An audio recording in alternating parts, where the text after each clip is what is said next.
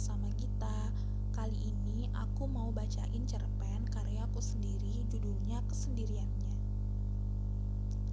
Mata biruku tidak sengaja menatap pelangi di awan sana. Hujan sudah reda beberapa saat yang lalu. Pelangi pun muncul dan membuatku seketika berpaling dari penjelasan rumus literasi yang diterangkan oleh Pak Yusuf saat ini. Aku suka kimia, namun aku lebih suka melihat pelangi yang lebih sering muncul kala pelajaran kimia akan selesai. Dulu sekali, saat aku masih belum mengenal dunia lebih dalam, bundaku sering menceritakan dongeng yang sengaja dijadikan pengantarku tidur dan sering kali di sela-sela ceritanya ada saja bahasan tentang pelangi. Dari balik jendela tempatku duduk, mataku tidak sengaja melihat sosok laki-laki yang sepertinya sebaya denganku. Mataku menyipitkan pandangan. Ia berdiri di samping pos satpam dengan rompi yang mirip sekali dengan rompi sekolahku. Rompi berwarna biru. Celana kain coklatnya tampak robek sana-sini. Baju putihnya yang kotor Sengaja ia tutupi rompi, memakai sandal jepit. Raut wajahnya amat sangat sedih. Jika Pak Joko, satpam sekolahku melihat anak itu, mungkin akan langsung mengusirnya, bak mengusir anak jalanan lainnya. Padahal hatiku berkata bahwa ia adalah murid di sekolah yang sama denganku. Sejenak mata sayu itu melihat langit Mungkin ia pun melihat pelangi. Tiba-tiba mata Sayu itu berpindah melihat ke depan, melihat bangunan sekolah. Raut wajah sedih semakin muncul di wajahnya, seperti ingin berlari dan kembali menimba ilmu di sini, namun tidak sanggup. Entah apa yang menahannya. Bayu menyikutku. Aku menoleh ke arah Bayu sambil mengerutkan kening ada apa? Tanyaku. Bayu menunjuk jam dinding yang terpasang di depan kelas. Waktunya istirahat, katanya. Dan saat itu mataku menatap sedih kalau Pak Joko mengusir laki-laki itu. Tiba di kantin, usai Bayu membawakan semangkuk somai dan segelas es teh pesananku, aku langsung menarik semangkuk somai miliknya. Tatapan bingungku jawab, Aku ingin berbicara, makanya nanti saja. Kau tahu, murid laki-laki di sekolah kita yang mungkin ya sedikit nggak mampu. Aku mengecilkan volume suaraku. Tak ingin ada yang menguping pembicaraan ini, walaupun mungkin hal ini bukanlah sesuatu yang penting. Bayu mengerutkan keningnya. Aku berpikir sejenak, mengira-ngira Bayu paham atau tidak. Aku rasa Bayu tidak mengerti maksudku. Aku nggak ngerti, pertanyaanmu kurang spesifik. Aku menghembuskan nafas, berusaha mencari pilihan kata yang tepat. Murid laki-laki yang jarang masuk sekolah karena terkendala biaya. Ia suka mengintip sekolahnya dari kejauhan. Kurasa itu kata yang tepat. Bayu berpikir lalu menggeleng. Aku bukan pengamat sosial. Kau tahu, aku kan suka bermain game online. Lalu Bayu mengambil mangkok somai dan melahapnya. Dan aku baru sadar, gak akan ada yang menyadarinya. Sisa-sisa hujan masih terasa. Misalnya saja dingin yang membuatku semakin mendekapkan jaket. Aku berjalan di sepanjang koridor sekolah sambil membawa beberapa buku biologi yang aku ambil dari perpustakaan untuk latihan olimpiade satu bulan lagi. Hujan sepertinya tidak akan turun lagi. Aku bergegas mengambil kunci motor di dalam saku celana, lalu berjalan menuju parkiran. Berpamitan pada Pak Joko dan mataku takjub melihat laki-laki itu. Kali ini dia menggendong tasnya dan menggunakan pakaian yang sama seperti tadi namun hanya rompi yang tidak ia kenakan. Ia tidak melihatku. Layaknya maling yang ingin keluar dari rumah mangsanya, dan sang punya rumah tiba-tiba sudah datang. Dia sembunyi-sembunyi melihat Pak Joko. Pak Joko beringsut keluar, entah mungkin mencari makanan. Setelah dirasa aman, sang punya rumah tak akan melihatnya. Laki-laki itu masuk dan segera berlari. Kuparkirkan sepeda motorku di parkiran, lalu berjalan mengikutinya. Perpustakaan sudah tidak ada yang menjaga. Kebetulan pintunya juga rusak, jadi sulit ditutup. Ia duduk di salah satu kursi, lalu mengambil beberapa buku dan kotak makan dari dalam tas. Berjalan menuju rak buku biologi dan mengambil buku PR, lalu mulai belajar. Ya, ia sedang benar-benar belajar. Aku mengerutkan kening. Untuk apa ia belajar sendirian di sini? Apa ia nggak bisa belajar di rumahnya? Atau di rumahnya ia selalu diganggu oleh adiknya? makanya belajar di sini. Tapi kenapa tadi ia sangat sedih, berdiam diri di depan gerbang sekolah? Kenapa nggak sekolah? Mataku kembali membulat saat bagian tas yang terbuka menghadap ke arahku. Apa tuh? Seragam sekolah. Aku menggeleng. Gak mungkin. Untuk apa dia bawa seragam sekolah ke perpus? Lalu kotak makan itu apa maksudnya ya? Di perjalanan pulang, semakin banyak pertanyaan dan pertanyaan yang memburu otakku. Sore hari hujan tidak turun. Langit biru tampak mengisi sore hari ditemani dengan awan-awan tipis. Langkahku terus melaju menuju supermarket. Ternyata aku kehabisan sabun cuci dan bunda lupa membelinya. Kubuka pintu supermarket dan segera, berjalan menuju rak sabun. Nah, ini dia sabun kesukaanku. Ku ambil satu plastik yang langsung isi lima sabun. Sedetik kemudian, aku menangkap sosok yang sangat kukenali. Aku segera membayar belanjaanku, lalu berjalan mengikutinya. Sepertinya dia nggak ke sekolah. Dia terus berjalan hingga di samping rental PS, ia berbelok masuk ke sebuah gang yang sedang ramai diisi anak-anak bermain bola. Langkahku terus melaju hingga ia berhenti di ujung perumahan. Ternyata ada sebuah gang di samping rumah paling ujung. Gangnya kecil sekali dan becek pasti karena hujan.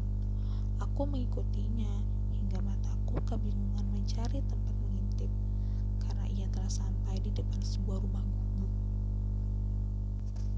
Ia membuka rumah gubuk itu lalu masuk ke dalam tidak berminat mengintip langsung dari celah jendela, karena jendela itu tidak ada yang membatasi. Dan kupikir rumah itu tidak ada ruangan-ruangan lainnya di dalamnya. Aku bingung, apa sih yang dia lakukan di sana? Musir bayangan bahwa ia tinggal di dalam rumah itu.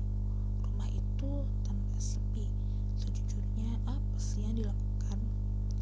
Kasihan sekalian anak itu orang tuanya meninggal saat bom Bali terjadi saat itu ayahnya menjadi supir taksi dan ibunya meninggal terkena serangan jantung karena shock. Aku terkejut tiba-tiba mendengar suara seorang wanita yang entah datang dari mana. Ibu, siapa? Tanya aku takut-takut. Banyak buku yang aku baca membuatku teringat soal seorang manusia yang tiba-tiba datang dan berbicara lalu setelah itu menghilang entah ke mana. Ia tidak menjawab pertanyaanku. Ia tetap melanjutkan kalimatnya. Alangkah malang. Selanjutnya nasib anak itu ia kembali ke sini karena menumpang tetangganya yang kebetulan ada di Bali. Ia tinggal di gubuk itu karena rumahnya di Bali dulu hanya kos dan ia sama sekali nggak kenal saudaranya di sini. Di tempat kelahirannya, ia bekerja apa saja demi membantu mencukupi kebutuhannya sebagai buruh kasar, penjual koran. Kadang mengumpulkan sampah rongsokan. Ia benar-benar sendiri dan tetangga di sini jarang peduli sama dia. Namun, ia sosok yang pemurah. Setiap dua minggu sekali, ia selalu berbelanja ke supermarket dan memberikan jajanan ringan kepada anak-anak yang suka bermain sepak bola di depan gang kalau ia nggak sekolah ia pasti akan menginap di sekolahnya. Nah, Mataku sepertinya sudah tampak berair dan hatiku terenyak mendengar semua penuturan dari ibu di sampingku. Aku menahan air mata yang akan tumpah ruah. Aku memang belum bertanya siapa nama anak itu. Namun tak kusangka salah satu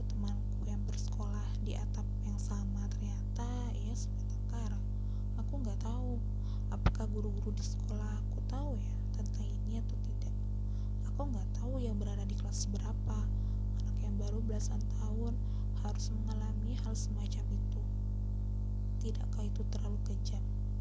Ya setiap harinya harus merelakan waktu belajarnya untuk mencari uang agar tidak mati kelaparan.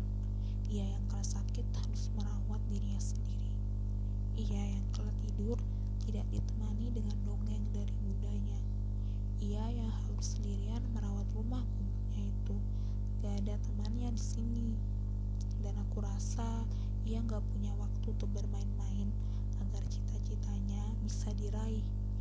Ia laki-laki belasan tahun yang harus mengalami pahitnya dunia sendirian yang harus mampu mengerti dunia sendirian kata orang dunia ini kejam dan ia harus merasakan kekejaman itu sendirian bagi orang seperti dia ia harus tetap tegar dan bangkit menghadapi dunia.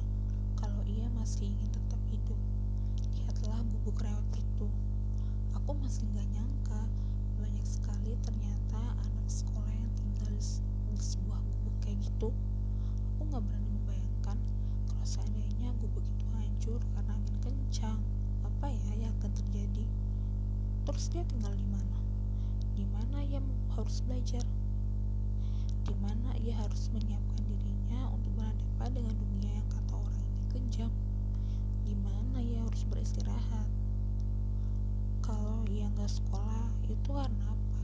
Tanya aku kemudian. Mungkin karena kelelahan usai bekerja di malam harinya. Air mataku turun. Hidup sendirian memang amat menyakitkan baginya. Banyak yang harus dikorbankan agar tetap bertahan hidup misalnya saja dengan tidak bersekolah. Yang kutakutkan kalau ia sering bolos bisa-bisa ia dikeluarkan dari sekolah dan bertambahlah kata malang pada diri anak itu. Ia benar-benar kehilangan arah kehilangan mimpi dan cita-cita. Tak tahu siapa yang menjadi penuntunnya dan biasanya salah satu keputusannya adalah membiarkan takdir yang menentukan nasibnya. Ia hanya melakukan hal agar tetap bisa makan. Hanya itu ponselku berdering bunda yang menelpon lalu dering itu terhenti bunda pasti mencariku aku segera berpamitan dengan ibu tadi dan bergegas pulang Hujan kembali turun kerintik-kerintik. Aku tiba di sekolah pagi-pagi sekali.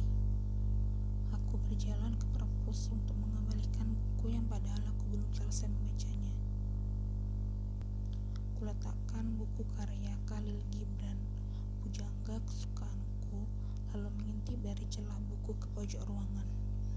Ia benar-benar menginap di sekolah.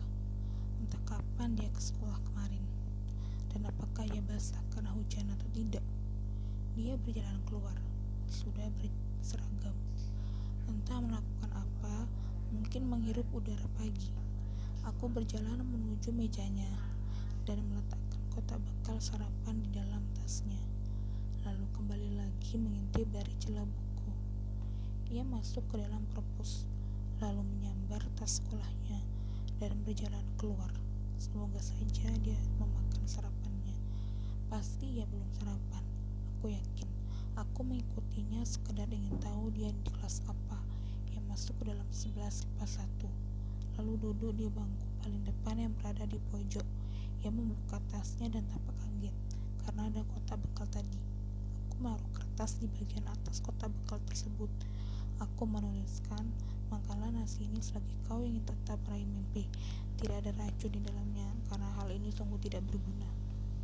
Dahinya berkerut samar. Ia menatap sekeliling kelas dan aku otomatis bersembunyi. Aku mengintip dan syukurlah ia sudah makannya. Aku tulis sendiri dengan apa yang aku tulis. Tapi aku merasa lega dan amat senang.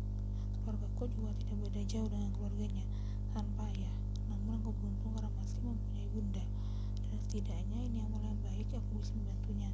Kami sama-sama kelas 11 dan aku adalah tipe laki-laki yang tidak mudah akrab langsung dengan orang baru. Mungkin suatu saat nanti pelan-pelan aku akan menemani kesendiriannya. Membuatnya merasakan bagaimana punya teman itu. Dan aku yakin kalau ia berada di kelas ini pasti dia yang pintar dan aku pun bisa belajar bersama dengannya suatu saat nanti juga aku akan mengetahui siapa namanya. Aldi aku menolak sumber suara Bayu yang memanggilku dan ia menghampiriku dengan wajah yang sangat cemas. Pinjam tugas fisika dong. Kemarin aku salah ngerjain dan aku gak mau kalau dihukum membersihkan lapangan sepak bola di belakang sekolah. Aku tertawa. Dia selalu seperti ini salah mengerjakan dan enggan bertanya. Namun dia selalu membantuku menjadi laki-laki yang merasakan apa itu pertemanan. Bayu tidak pintar pelajaran namun dia pintar bermain sepak bola dan selalu mengajakku bermain kalau pulang sekolah dan tidak hujan. Seharusnya begitulah hidup. Kita tidak tahu bagaimana nasib kita di masa depan. Saling membantu dan meringankan beban adalah hal yang sangat berharga.